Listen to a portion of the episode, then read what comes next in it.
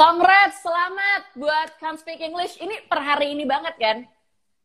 Yes, baru banget tadi. Baru banget tadi gue umumin. Gila. Gimana, Thank you, gimana, thank you. gimana? Lagi happy banget, lega, atau apa lo berasanya? Lega sih gue, lega, lega. Soalnya ini sebenarnya project yang long time coming gitu. Um, dan akhirnya gue akhirnya bisa mengumumkan kepada orang-orang karena orang-orang juga dari dari bahkan dari dua tahun lalu bahkan kayaknya udah pushing me to release an album. Dan gue nggak pernah bisa ngomong apa pun gitu kan karena belum ngerjain atau pas udah ngerjain gue masih harus uh, confidential jadi ah gue lega lah gitu udah bisa ngomongin. Ini sebenarnya prosesnya berapa lama sih, Cak, ngerjain si Can't Speak English ini? sebenarnya gue tuh rekamannya tuh tahun lalu uh, bulan Agustus di US jadi Ini di Empire. prosesnya sendiri ya di Empire prosesnya sendiri tuh sebenarnya proses recordingnya sendiri itu cuma dua minggu jadi gue di sana dua minggu rekam semuanya kelar gitu kan Em, cuman ya ada mixing mastering photoshoot dan lain-lain ya dan pandemik jadilah tahun Ada-ada aja.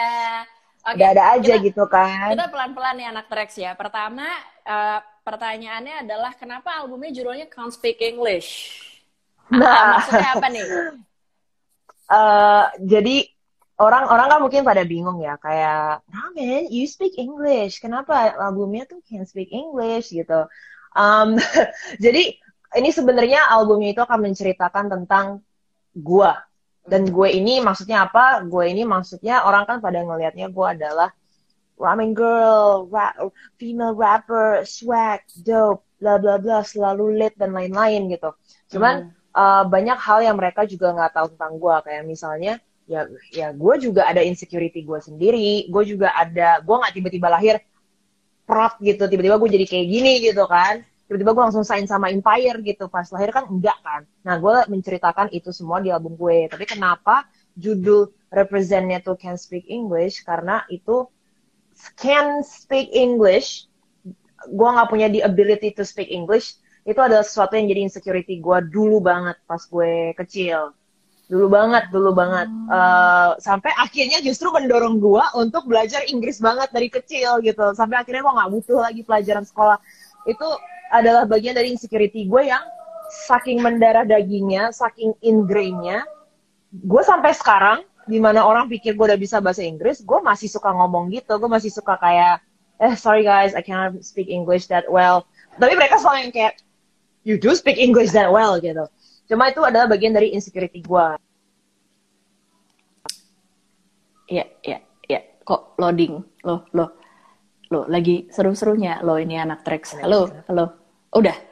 Udah, udah, udah, udah. Ya, part of iya, insecurity. iya, iya, udah, udah. Dan dan gue gak nyangka bahwa ternyata uh, Yes. insecure lo justru adalah hal yang kalau kalau buat gue pribadi ya gitu itu dialamin sama gue, itu dialamin sama banyak orang walaupun kayaknya ayolah semua orang ngomong bahasa Inggris enggak. Tapi mungkin kalau buat jadi rapper Ah. apalagi dengan kerjaan lo sekarang gitu kali ya.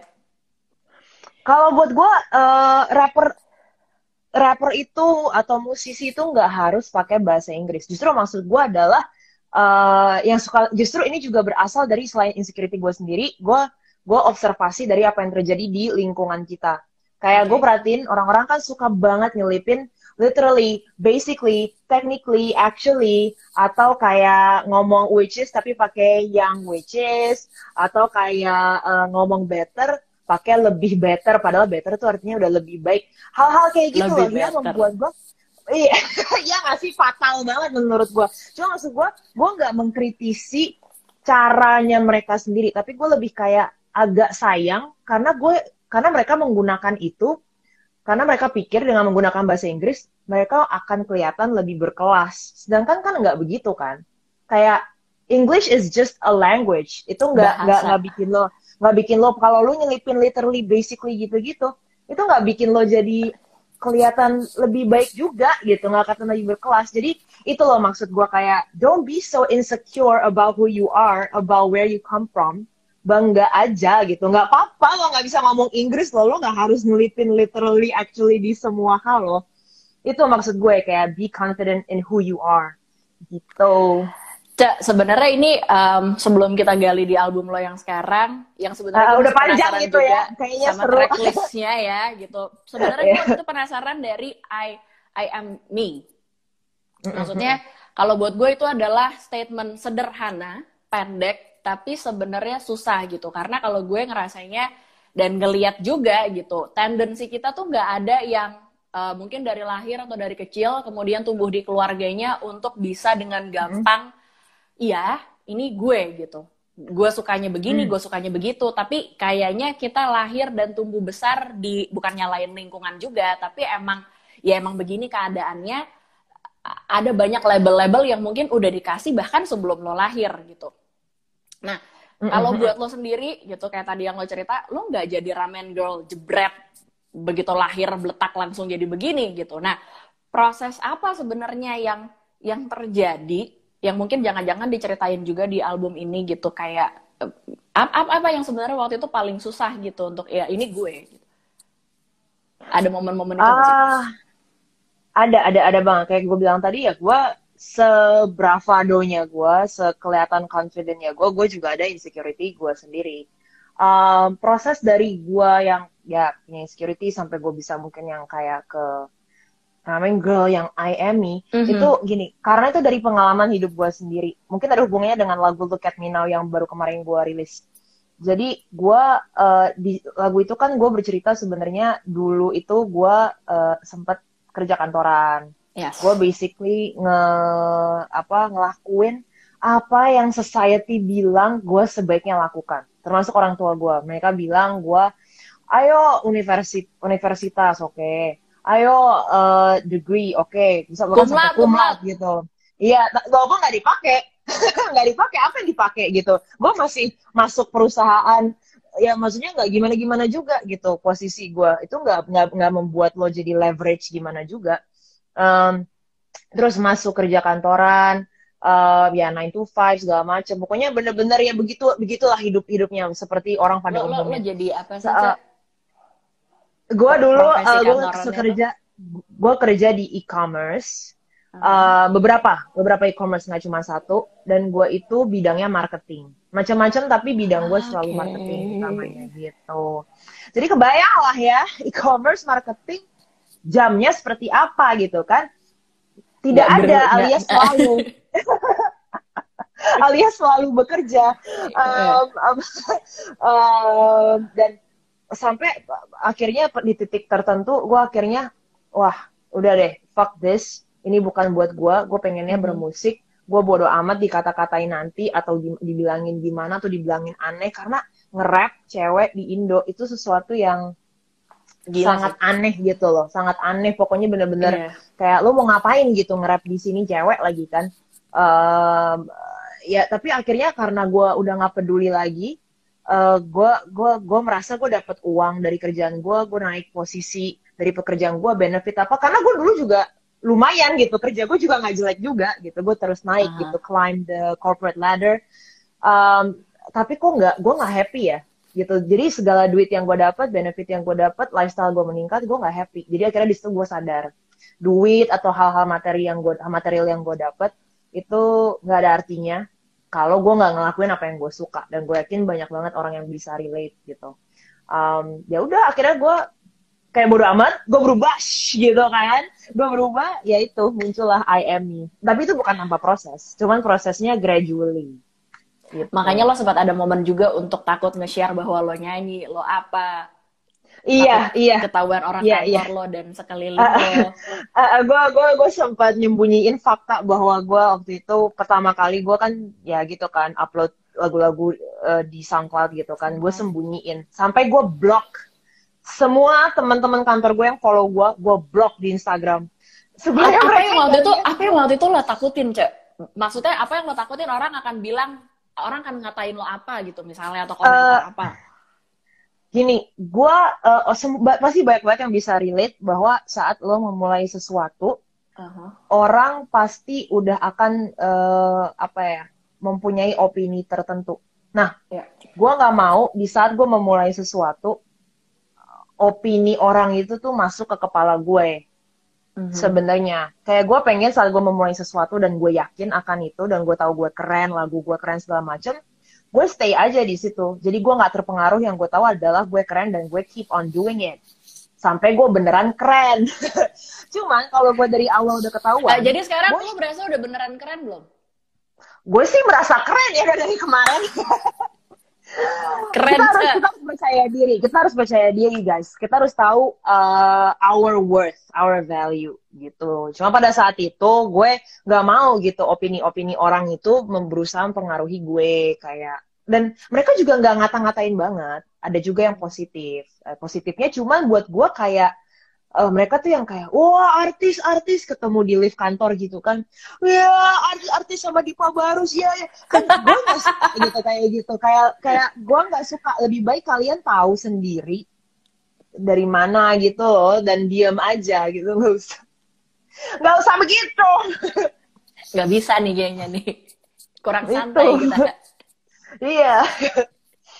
Gitu loh ya ini ini banyak yang nanya juga. Jadi apalagi dengan kehidupan lo yang tadinya kantoran apa segala macem. Terus kan hmm. kemudian uh, lo nge-rap otomatis mungkin teman pergaulan lo berubah dunianya berubah industrinya berubah bahkan lo ke Empire. Hmm. gimana ceritanya akhirnya ke Empire? Apa, apa yang terjadi? Jadi uh, sebenarnya udah dari tahun lalu proses PDKT lah ya sebutlah mm -hmm. proses PDKT ya musisi gitu di PDKT in label itu cerita klasik lah ya Yeah. Um, dan salah satunya dari semua label yang PDKT itu salah satunya adalah Empire. Uh, karena jangan salah, musisi Ini bukan Indo. Empire olahraga ya, anak trek Bukan, bukan, nih, bukan. Beda Dan nih. bukan Empire film, bukan Empire film yang ada apa tuh siapa namanya ceweknya Suki Kuki gue lupa. Ya pokoknya itulah. Uh, apa salah satu label yang mulai PDKT itu adalah Empire dan bukan cuma gue gitu. Jadi musisi Indo tuh sebenarnya banyak banget yang ngelirik dari luar karena tawan-tawan kita bagus-bagus banget. Um, dan mereka mulai PDKT pada saat itu, uh, gua pun melihat menimbang-nimbang nih bah uh-huh. dari semua label yang PDKT itu, gua melihat Empire ini paling cocok. Kenapa paling cocok? Karena gue lihat roster mereka kan, gue lihat artis yang sign under mereka, uh, mereka mau sign waktu itu mau sign sama Snoop Dogg, mereka udah mereka yang bantu ngebesarin Access Temptation mereka sebelumnya juga uh, sign Iggy sama Iggy, Iggy Azalea, uh, uh, Tyga, kayak gitu. Dan menurut gue mereka uh, handle hip hop tuh bagus banget. They know, they know it gitu loh. Mereka mereka ahlinya. Um, dan kedua mereka nggak nggak pernah mau memiliki uh, master master lagu. Dan menurut gue di zaman sekarang apalagi itu penting banget buat artis. Jadi buat gue oh, kayak gitu. the whole the whole policy the whole vibe gue paling suka sama mereka. Dan ya udah tiba-tiba terjadilah gitu deal ini gitu. Karena gue suka denger tuh kan suka ada kasus-kasus mengenai kepemilikan master ini kan gitu yang akhirnya berujung iya, duit nah, apalagi tahun-tahun sekarang karena semakin banyak artis yang go independent maupun artis yang besar banget yang tadinya nggak independen, maksudnya sama label besar segala macem, uh, mereka udah mulai sifat entrepreneurship artis, musisi gitu sekarang udah lebih lebih apa ya lebih lebih woke gitu. Jadi um, buat mereka mereka udah nyadar bahwa mereka bukan cuma make music tapi mereka juga yeah. a business gitu. Jadi mempunyai master sekarang penting banget buat musisi. Administrasi penting ya. sangat penting, sangat penting. Nah, tapi lo pernah ngalamin culture shock gak sih, Cak? Maksudnya dengan segala perubahan-perubahan ini gitu dari yang yang nggak usah sampai ke Amerika deh gitu maksudnya di Indonesia sendiri kemudian lo ketemu dengan orang-orang yang seprofesi kemudian uh, sekarang Empire juga lo pernah ngerasa kayak culture shock gak sih? Uh, pasti jadi mm -hmm. uh, saat waktu itu tahun lalu gue ke US buat rekaman apa lagu-lagu dari album ini, yeah. Ya. uh, gue lumayan mengalami apa ya, mungkin sedikit pressure mm -hmm. uh, karena jadi kan di studio itu kan ruangannya ada beberapa. Dari, yeah. Jadi ya. bukan cuma gue gitu di sebelah tiba-tiba bisa ketemu, ya itu bisa ketemu Snoop Dogg, tiba-tiba bisa ketemu apa rapper lain yang kita tanya dari ya. LA datang ke San Francisco, ya banyak gitu yang bisa lo temuin di situ tiba-tiba ada di satu studio gitu. Um, culture shock yang gue alamin adalah gue aware bahwa gue uh, bukan balik lagi yang can speak English itu ya relate relate tuh. Gue hmm. bukan berasal dari negara yang uh, mother tongue-nya adalah English kayak we're not even like Singapore and Malaysia kan. Kayak mereka masih yeah. ngomong Inggris gitu walaupun logat mereka ya English gitu kan Melayu gitu. Uh, tapi kita tapi kita enggak kan. Kita ngomong Indo ya Indo gitu. Um, yeah. terus gue juga apa I'm doing I'm doing hip hop sedangkan gue tahu bahwa gue berasal dari negara yang um, culture utama hip hop culture hip hop itu sebenarnya nggak ada gitu. Gue gue nyadar bahwa gue meminjam culture dari US dari aslinya which is US gitu. Yeah. dan jadi gue nggak bisa yang kayak yo what up what up gitu nggak bisa juga. Karena mereka yang lebih yang lebih yang yang beneran gitu. Yang punyanya um, nih iya dan gue aware banget mereka ini ini ini nggak ini nggak lisan gitu. Nggak nggak verbal. Tapi ke, berasa ada vibe di mana mereka ngelihat gue kayak siapa nih siapa nih orang Asia tiba-tiba gitu kan? Gue kan katanya Chinese banget juga gitu. Tiba-tiba ke sini terus mau nge-rap gitu. Um, tapi lucunya setiap kali gue ke bus dan gue rekaman mereka tuh selalu yang kayak yo she can rap she can rap kayak gitu loh. Kayak kayak kaget gitu kayak oh bisa nge-rap juga ya? Gitu loh. Jadi gue punya constant pressure to to to prove myself. Itu aja sih sebenarnya culture shocknya Snoop Dogg. Apa hmm. rasanya tiba-tiba ketomplokan Snoop Dogg tuh gimana? Wah itu itu random itu random. Jadi kita semua tahu di studio pada waktu pada hari itu uh, bahwa Snoop Dogg tuh emang lagi kayak kayak apa ya kayak kayak company visit gitu kayak company visit cek cek studio hmm. karena dia baru banget sign sama Empire. Um, jadi dia ke studio diajak ke studio sama foundernya Empire dan kebetulan uh, gua lagi di studio itu abis rekaman dua lagu. Nah, kebetulan udah selesai, kita hearing kan. Yang lagi di yang lagi dimainin pas hearing adalah Look at Me Now. yang udah keluar kemarin. Terus pas lagi dimainin lagunya, tiba-tiba pintu kebuka, pintu studio ruangan gue tuh kebuka. Tiba-tiba ada Snoop Dogg di situ. Kita semua kita semua kayak kayak bengong gitu nggak ada yang tahu mau ngomong apa mau ngapain pokoknya nggak ada yang tahu. Dan lagunya masih nyala gitu kan. Jadi Snoop Dogg tuh yang kayak joget-joget kayak gini terus semua masih diem terus akhirnya dia peluk-pelukin semua satu persatu gitu. Terus ya udah tiba-tiba itu makanya minta foto bukan gua. Itu itu uh, ada orang Empire mungkin kayak take a picture take a picture. Untung ada dia. Untung ada dia kalau enggak nggak ada yang berani nggak ada yang berani nggak ada yang berani ya gitu sih itu doang habis itu dia apa keluar ke ruangan lain gitu doang aneh banget look at me now cek yes. kalau kita mendengar kata look at me now tuh kayak lihat nih gue nih sekarang. Maksudnya ada lah jumawa-jumawa dikit, ada sombong-sombong dikit gitu. Cuman kadang-kadang uh, kita suka ngebayangin kemarin gue iseng-iseng nanya gitu kan ke anak Trax. Biasanya kalau ngomong look at me now ke siapa sih gitu ya ada yang kayak kemantan, pokoknya ada yang Iya, iya, iya kan. Uh. Kepada siapa lo pengen banget ngomong, look at me now. banyak masalahnya, banyak nih. Oke. Okay. Masalahnya banyak banget, banyak banget. Uh, tapi tapi sebelum gue jawab, ini tuh bukan berarti gue kayak gimana ya, sombong iya, karena gue yakin gue percaya nih personally bahwa saat lo udah mencapai suatu level yang emang lo pengen, mm-hmm. lo harus sombong. Lo harus sombong lah, karena lo mencapai itu gitu. Lo kerja keras dari sesuatu yang bukan itu sampai menjadi itu. Lo dihujat orang tadinya sampai sekarang gak dihujat gitu. Lo lo lo lo berhak sombong. Um, yeah. Tapi kalau gue uh, gue menunjukkan ke mungkin terutama pada saat itu orang-orang di beberapa doang ya beberapa orang di kantor yang pada saat itu menemukan musik gue terus ngetawain gue gitu. Um, jujur mereka yang semakin memfuel gue untuk uh, membuktikan diri gue. Karena gue orangnya sangat tergerak oleh haters. gue orangnya sangat tergerak oleh negativity gitu. Positivity tentunya maksudnya dukungan, support dari keluarga, teman gitu-gitu ya pastinya mm-hmm. fuel gue. Cuma nggak dari dulu dari gue lahir nggak ada fuel yang lebih works buat gue dibandingkan haters. Kayak keluarga gue dari dulu uh, mungkin keluarga besar gue ya, mungkin mereka nggak terlalu ngelihat gue nih sesuatu gitu. Gue buktikan dengan gue jadi satu-satunya orang di keluarga itu yang masuk ke universitas negeri jadi gue nggak gue nggak pengen masuk universitas negeri buat gue sendiri tapi gue cuma ngebuktiin aja. Terus terbukti. Terus akhirnya uh, apa mungkin orang-orang ngelihat gue kayak oh nggak punya duit oh nggak gini-gini biasa aja. Akhirnya gue buktikan sekarang gue ada gue bisa membiayai keluarga gue gue bisa biayai diri gue sendiri segala macam nggak nyusahin gitu. Dan tetap melakukan apa yang gue suka ya itu sih. Gue gue ter gue fueled oleh haters. Jadi sebenarnya judulnya mungkin bukan look at me now mestinya judulnya mestinya thank you.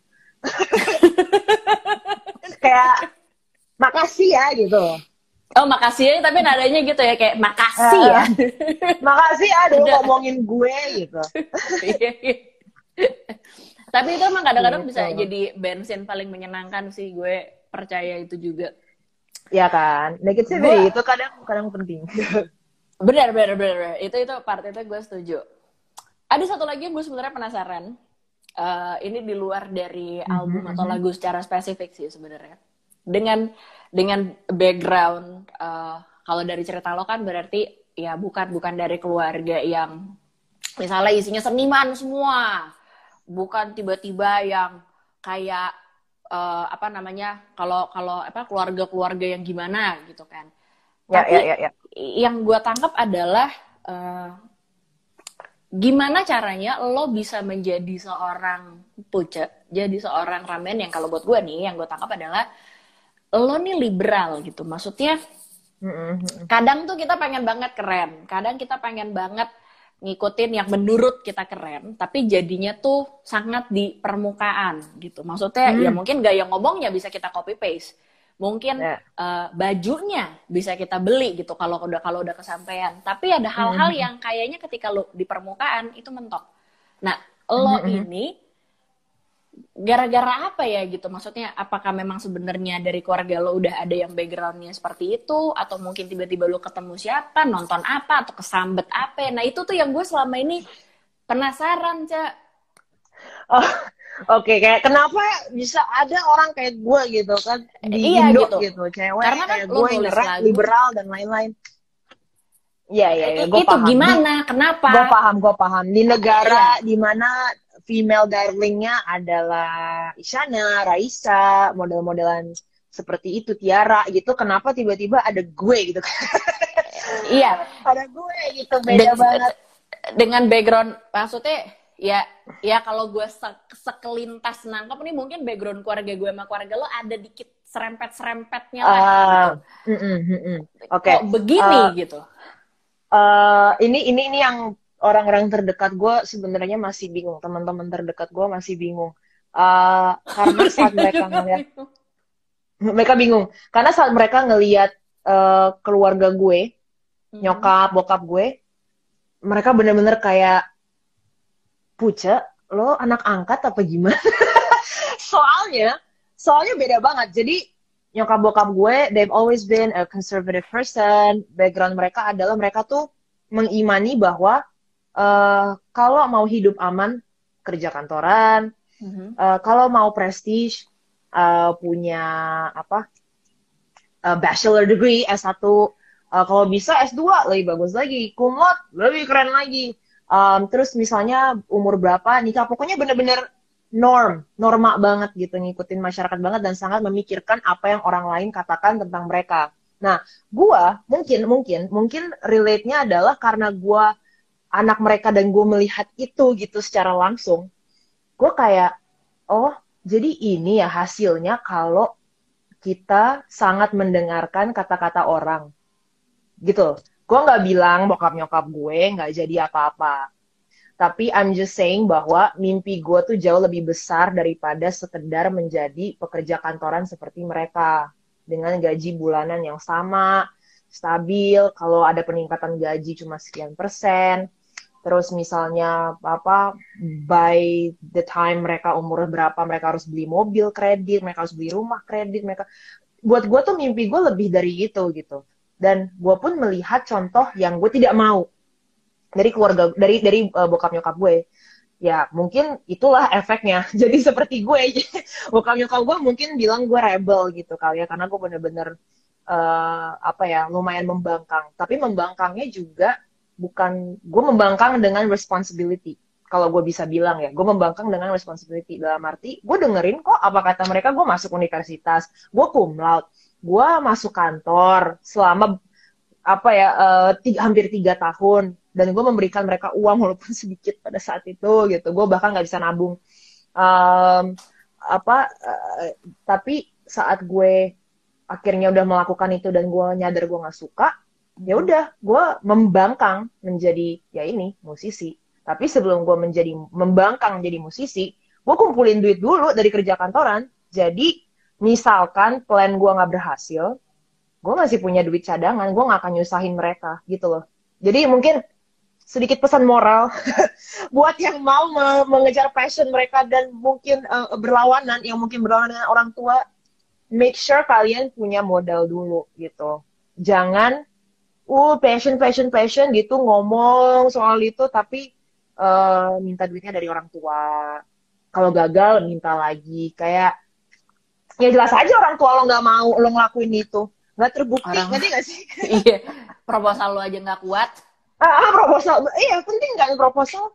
Gitu. Nah cak dikit lagi deh dikit lagi nih. Tapi boleh, momen boleh, apa boleh. yang bisa bikin lo kayak ngelihat itu kan kayak lo nggak tiba-tiba kasarnya kayak lo tiba-tiba keluar dari mangkok ini gitu terus lo lihat tunggu tunggu bapak gue gini ibu gue gini keluarga gue gini.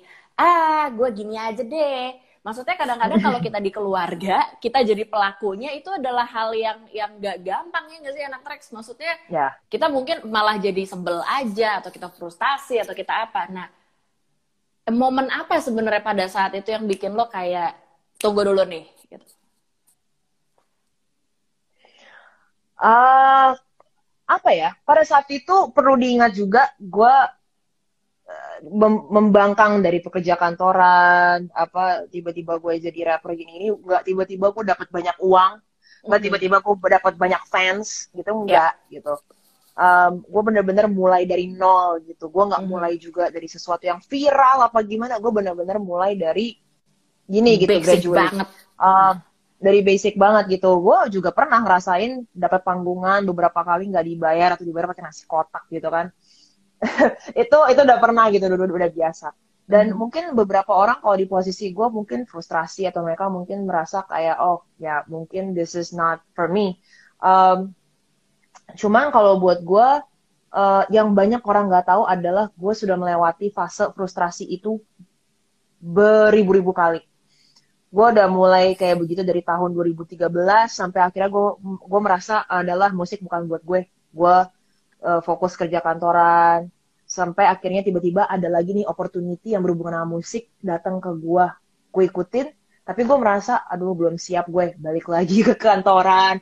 Kayak gitu terus sampai sampai akhirnya uh, di tahunnya itu 2016 akhir uh, ke opportunity itu datang lagi ke gue jadi menurut gue ya ada gunanya juga untuk kalian oh ya maksudnya sekaligus untuk para pendengar teks mm-hmm. um, ada yang namanya kata hati dan ada yang namanya uh, apa ya persekongkolan universe. Gue nggak tahu lu percaya apa enggak ya. Dan gue nggak tahu pendengar tracks percaya apa enggak. Tapi kalau gue percaya. Kalau gue percaya misalnya, jodoh yang kita tarik sih. Jodoh ya, ya, ya. ya kayak kita narik. Jodoh, jodoh cuma uh, energi, energi kan. Energy, nah, right. nah, energi. Um, pada saat itu, walaupun gue merasa, aduh, kayaknya enggak deh, kayaknya enggak. Tapi opportunity yang berkaitan dengan musik, apa pun itu terus datang ke gue, gitu. Dalam bentuk apa pun, kayak pengingat gitu, kayak semesta mengingatkan gue gitu bahwa, coy, lo tuh bermusik. Jadi ya udah, pada saat itu itu semakin meyakinkan gue gitu bahwa jalan gue adalah musik dan emang gue suka bermusik dan gue sudah merasakan kerja apa pun itu yang bukan musik itu tidak membuat gue happy gue mendapatkan revelation pokoknya pada saat itu. Um, dan ya udah pada saat itu akhirnya gara-gara itu semua gue jadi merasa jalan apa pun nih yang gue hadapin yang terkait musik mau gue dikasih maki mau di apa enggak sih. Gue yakin ini ini jalan gue. Gue yakin gue bagus ya gue tinggal terus lakuin aja. Konsistensi konsistensi gitu. Gitu kayak ini ya kok tapi gue pribadi gue percaya itu sih cek maksudnya kayak mungkin uh, kelihatannya kita kayak nggak deh nggak deh tapi mungkin kalau emang di down inside kita kayak keep calling untuk tapi gue sebenarnya mau tapi tapi yeah. ya itu yang kayak semesta mungkin, akan mendengarkan kok sumpah yes. Iya, kayaknya gitu gak sih? Cie, udah, udah udah mulai santai. Kita balik lagi ke album. Kalau ya, sebelumnya yeah, yeah. Di uh, No Bethany gitu atau mungkin di lagu-lagunya. Kalau yang sekarang nih kalau lir secara lirik misalnya di Vaselina atau ini, gue berasa kayak ini lebih berani. Ini kayak hmm. lebih ngegas ngegas tapi dalam arti bukan yang marah-marah ya tapi kayak ngegas. Ya ya. Uh, mau mungkin ini the other side of me atau apa tapi sebenarnya gimana sih? Kenapa?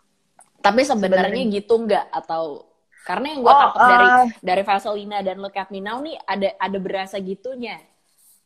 Uh, lebih berani iya tapi mungkin lebih tepatnya kayak gue lebih lebih bereksperimen kali ya. Kayak karena dulu okay karena dulu pas awal-awal mulai kan gue kayak balik lagi terlalu memikirkan apa kata orang tentang gue. Ramengel tuh gini, Ramengel tuh nganu, bikin lagu yang beda dikit, gak ada yang dengerin gitu kan. Maunya yang lit lit lit lit lit lit, lit gitu. Ya udah, gue ikutin. Tapi di uh, sekarang lagunya tetap lit karena emang gue suka lagu yang kayak gitu, lagu yang banger. Cuman uh, gue sekarang lebih bodoh amat terhadap apa yang orang bilang tentang musik gue karena ya gue merasa this is me kalau kalian nggak suka dengan ya yang kayak gitu ya berarti kalian nggak ngefans sama gue for me gitu. You don't like me for me. You just like cashmere I am me gitu. Lo cuma suka lo emang pengen banger banger aja sendiri gitu. Um, jadi gue sekarang bodo bodo amat sih. Kalau emang mereka suka bagus. Kalau enggak ya ya ya udah bodo amat gitu. Karena musisi emang harus ini sih? Bereksperimen. Kalau gitu-gitu aja bosen kali. Ya nggak sih? Wah ini udah melewati banyak proses kayaknya untuk bisa sampai ke statement banget. ini ya. Udah berdarah-darah jungkir balik nih kayaknya. Parah parah. Karena jangankan maksudnya yang yang yang yang yang kasarnya kalau lo memang berdiri di panggung gitu. Mungkin kita anak traction di kehidupan sehari-hari. Sebenarnya mungkin nggak sebanyak itu orang ngeliatin kita tapi itu aja kan kadang-kadang bikin kita stres gitu. Ya, ya, ada ya, betul betul. ada statement lo uh, ya mau gimana? This is me gitu kan. Tapi ada nggak sih uh, mungkin satu hal atau dua hal yang dari diri lo sendiri yang sebenarnya dulu mungkin buat lo lo susah terima juga gitu bahwa ya ini memang gue gitu. Di luar dari nyanyi ya. Kan setelah akhirnya lo memutuskan untuk berkarir hmm, di musik terjadi banyak hal tuh.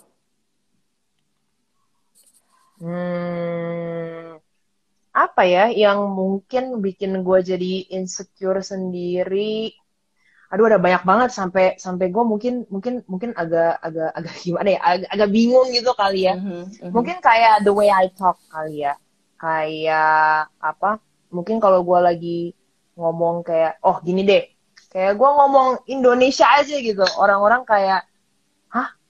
Tadi ada sih, ada yang ngomong, hah ramen? Uh, ini pertama kalinya gue ngeliat ramen ngomong bahasa uh, Indo. Kayak gitu.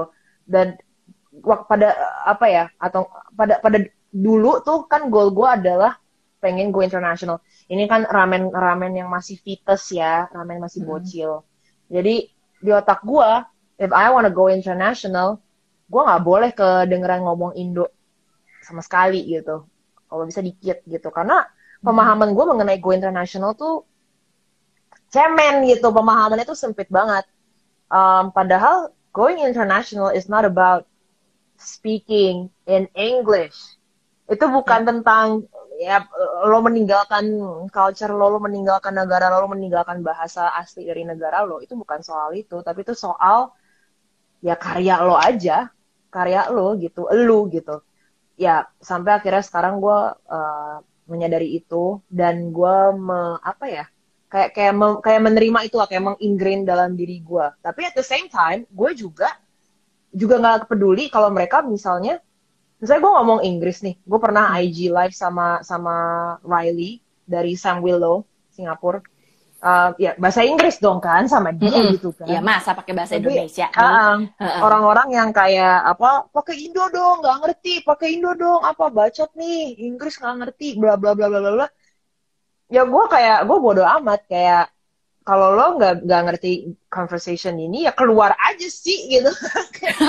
Gue Iya, ngerti gitu. Iya. Nggak sih? Keluar aja sih. At- ya, ya menurut gue intinya sekarang gue udah di pendew- di proses pendewasaan udah melewati proses pendewasaan di mana gue ngerasa kayak I'm comfortable enough in my own skin in whatever language yang gue memutuskan untuk apa untuk speak.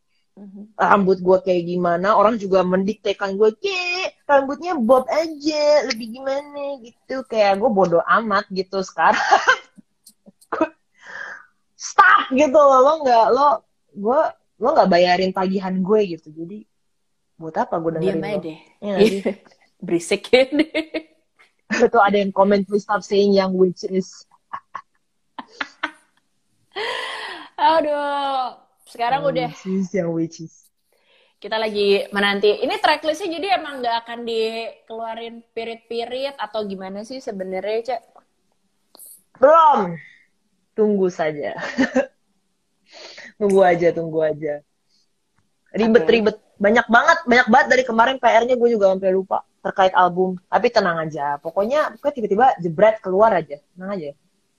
Ya udah, kita nggak usah tanya em, detail albumnya Nggak usah. usah.